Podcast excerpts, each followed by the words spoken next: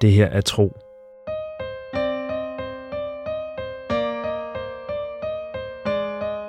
En eventyrlig podcast fortælling i 55 afsnit.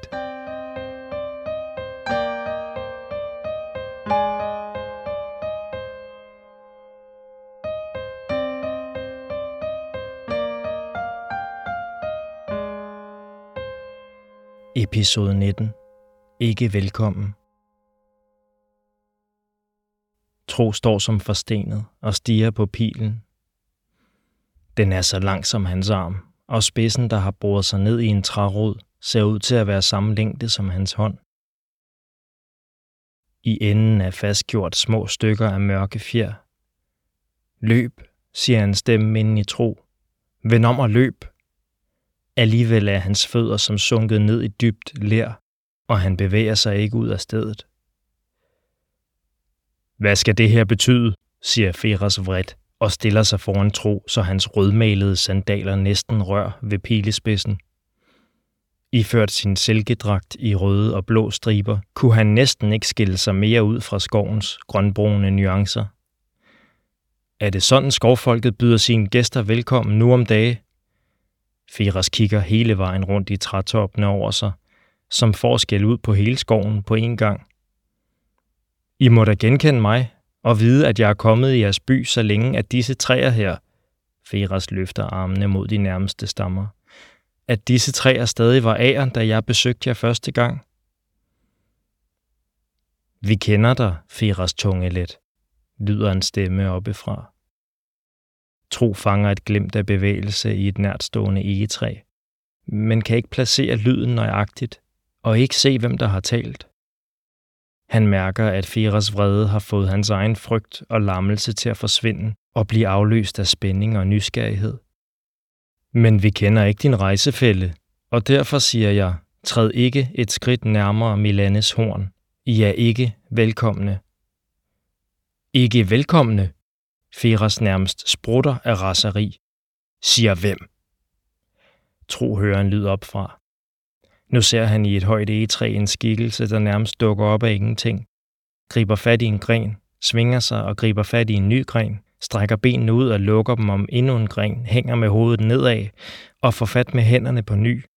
Alt sammen i en enkelt glidende bevægelse, indtil skikkelsen til sidst kun er få længder over deres hoveder og lader sig falde ned, så den lander sammenkrummet på stien foran Tro og Feras.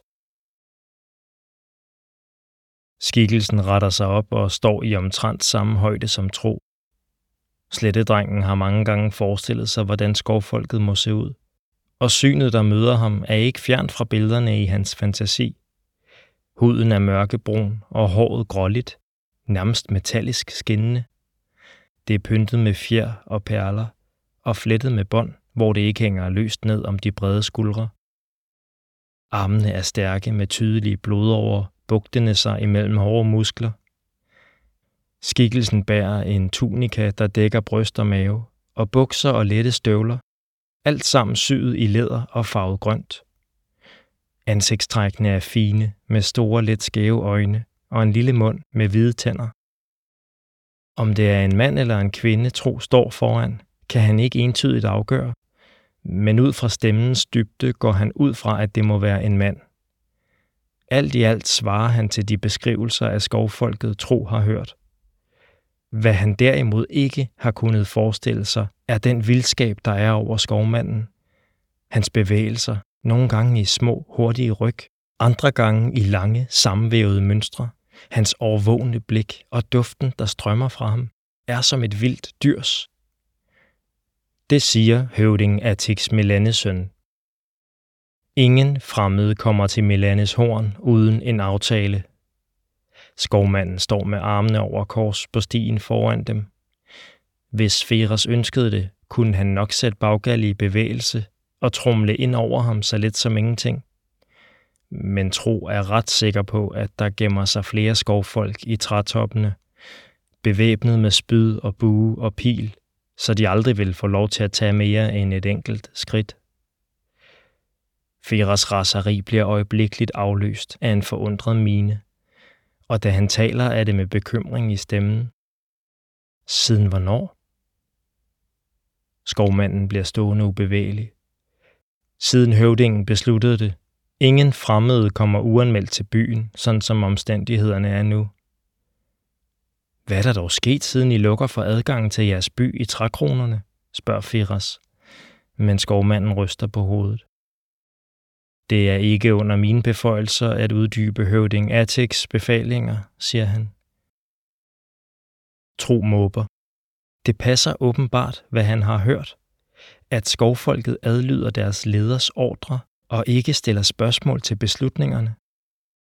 På trods af skovmandens hårde og fjendtlige attitude, mærker Tro et stik af melidenhed med ham. Tænk at være bundet til andres vilje, og ikke have friheden til selv at træffe sine afgørelser. Firas forsøger igen. Men som du selv siger, kender du mig. Vi er ikke fremmede, så du kan vel godt tage os med til høvdingen, så vi kan forelægge vores ærne, og så han får lejlighed til at modtage os som gæster i jeres by. Skovmandens arme er fortsat over kors.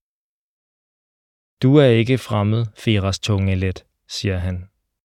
Men det er han, tilføjer han, og kigger på Tro med de store, let skæve øjne. Tro bliver ubehageligt til mode under deres vurderende blik. Nu krydser Firas også armene over brystet. Denne dreng af slettefolket rejser sammen med mig. Tro er hans navn, og hans landsby ligger kun 10 dagsrejser mod vest. Mange gange har I handlet med dem gennem mig, og derfor burde venskabet mellem jeres folkeslag stikke dybt. Tro har endda medbragt en personlig og kostbar gave til folket i Milanes horn. Feras blinker til Tro, som tager sig i at kigge undrende på ham. Se, nu er han ikke længere fremmed. Vil du nu tillade os at komme ind, før vi bliver trætte i benene af at stå her og puste os op som høns? Jeg vil tillade dig at komme til vor by, siger skovmanden. Men din kære og trækdyret bliver her, og det samme gør han, siger han med et nik mod tro. Feras sukker. Giv os et øjeblik. Han trækker sig et par skridt baglæns, men tro tøver. Usikker på, om han kan vende ryggen til den troende skovmand. Manden bliver stående ubevægelig på stien, og Tro vælger at følge Feras eksempel og går tilbage til kernen. Hvad mener du med, at jeg har en gave til dem? spørger Tro den omrejsende. Bare spil med. Det gælder om at få adgang til byen, og så kan vi overtale høvdingen til at tage imod os som gæster.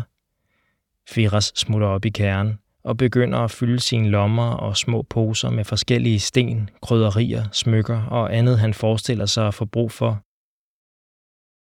Vent her sammen med Baggal, så er jeg tilbage inden længe, og du vil blive modtaget som en af deres egne, lover han. Og gør ikke noget overilet, siger han med eftertryk. Du vil blive holdt under skarpt opsyn hele tiden, mens jeg er væk, og i det hele taget, mens du er i nærheden af disse skove. Så ikke noget med pludselig at løbe, hverken hen mod skoven eller væk fra den. Firas smiler til ham. Du kan jo sætte dig og synge en af dine små, simple melodier. Det vil måske hjælpe til at overbevise dem om, at du blot er et uskyldigt, ubehjælpsomt barn, siger den omrejsende. Og før Tro kan åbne munden, er han gået hen til skoven. Skal vi? Han kigger op på skovmanden, som drejer om på hælen og går ind mellem træerne, uden at sige et ord. Tro ser til Baggal. Han finder den lange børste frem og giver sig til at knuppe dyrets hud. Baggal stikker forventningsfuldt sin snude helt hen til ham. Du må vente lidt, før jeg kan spænde kæren af dig. Først må vi finde ud af, hvad det her ender med, siger han med et undersøgende blik mod trætoppene. Han føler sig iagtaget. Skyldes det Feras advarsel? Eller var der noget, der bevægede sig lige før, der i trækronerne? Baggal mærker dog ingen fare, og det beroliger tro. Dyret har fundet nogle lave buske, som det giver sig til at befri for de nyeste, mest lysegrønne skud. Her, hvor Feras har efterladt dem, står de stadig tæt ved vejen og kan se langt i flere retninger. Men kun få skridt fremme står træerne som en mur af grønt og brunt. Tro kan mærke, at jorden skifter karakter og bliver mere fugtig og næringsrig inden mellem stammerne. At det er derfor skoven stopper her og bliver til slette. Han kommer til at tænke på bjergfolkets skabelsesberetning, som Feras fortalte ved bålet for snart en halv månefyldning siden. Om hvordan en Gud skulle have tegnet verden i sin hule hånd, og bagefter sat folk og dyr ind, sådan som han synes, at de passede. Når han står her, hvor landskabet ændrer sig så grundlæggende, kan han godt forstå, hvorfor nogle folkeslag har søgt en forklaring på verdens tilblivelse blandt guderne. Tro stikker hænderne i vestens lommer og mærker pilespidsen og skovhjertet, som det er blevet en vane for ham at gøre her i de seneste dage. Det han indtil videre har set til skovfolket passer bedre til våbnets hårde, skarpe kanter, end til smykkets varme blødhed. Hvad var det bedstefar havde sagt? At han blev modtaget med venlighed, og endda kom til at føle sig som i familie med folket i skovene. Tro har svært ved at forstå det med tanker på den velkomst, han lige har fået. Hvor længe vil der gå, før Firas vender tilbage? Tro sætter sig på kærens bænk og begynder at spille på sin fløjte. En af sine små, simple melodier, tænker han med et lille smil. Han spiller både den og en håndfuld andre. Så sidder han lidt. Firas er stadig ikke kommet tilbage. Tro tænker på at tage sit sygtøj frem, men han kan mærke, at han ikke vil kunne finde roen i sig til at arbejde videre på bukserne. Det ender med, at han bare sidder der på kæren og stiger ind i skoven. Endelig kommer der et glimt af rødt og blåt til syne mellem træerne. Feras kommer gående tilbage langs stien. Han har et muntert smil på læberne, men selv på lang afstand kan Tro mærke, at noget er galt. Han virker på en måde udmattet. Tro bliver bekymret. Sidder du bare der, Tro, siger Feras bebrejdende, da han kommer tæt nok på. Hvis du lige vil komme på benene og give en hånd. Vi skal have kæren med os ind. Og jeg får nok brug for, at du går foran og fjerner lavt hængende grene og lianer og den slags.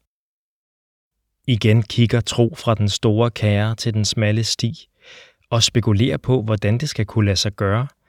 Men Feras har jo sagt, at det vil ordne sig. Han hopper ned fra kæren og går hen mod stien. Hvorfor har skovfolket lukket deres by for fremmede? Hvad frygter de? Det er jeg sikker på, at høvdingen selv vil fortælle dig, siger Feras. Vi er på vej hen for at møde ham nu. Men hvordan fik du så overbevist høvdingen om, at jeg kan komme med til byen? Sikke du spørger. Men siden du er så nysgerrig, jeg fik forklaret den gode høvding, hvordan tingene hænger sammen, og forlangt, at han skulle tage imod dig og ikke lade dig stå uden for skoven, som om du var et brølende rovdyr. Fra kæren kan Feras akkurat prikke tro i ryggen med sin stav. Lad os nu ikke lade høvdingen vente. Tro ser til sin forbløffelse, at pilen ikke længere sidder i jorden. Nogen har fjernet den, uden at han har bemærket det. Han går forsigtigt hen mod stedet, hvor den sad, men intet sker. Ingen ny pil suser ned mod ham fra trækronerne. Ingen dybe stemmer råber ham an fra oven. Han går ind mellem træerne. Stien er smal nok til, at han kan nå træerne i begge sider, når han strækker armene ud. Der ligger en brækket gren på jorden. Den fjerner han, så den ikke ligger i vejen for kærens hjul. Han kigger over skulderen, mens han går, og udstøder et nyt gisp af forbløffelse. Da Baggal trækker kæren fremad, bøjer træerne sig til siden og giver plads. Eller flytter de sig endda? Stod der ikke et lille træ der for kort tid siden, hvor der nu er fri passage? Det kan Tro ikke længere huske.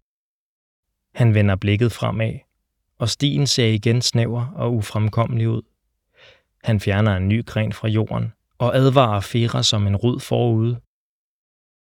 Den omrejsende styrer udenom den og får plads til det af skovens vækster. Der er stor forskel på at være velkommen og uvelkommen blandt skovfolket. Efter et stykke tid beder Feras dem om at stoppe. Bliv her, siger han til Tro, og smutter ind i kernen. Tro kan høre ham rumstere derinde. Så kommer han ud med en sæk bundet over skulderen. Jeg er klar, siger han underligt højt. Klar til hvad? spørger Tro, men giver så et forskrækket skrig fra sig, da noget tungt og langt lander lige foran ham med et hårdt bump mod stiens bløde skovbund.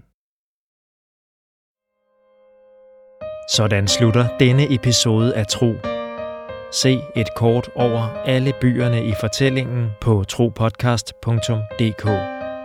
Her kan du også se Christian Funders flotte illustrationer. Tro er skrevet, indtalt og produceret af mig. Jeg hedder Mikkel Prytz, og jeg håber, du vil lytte med næste gang.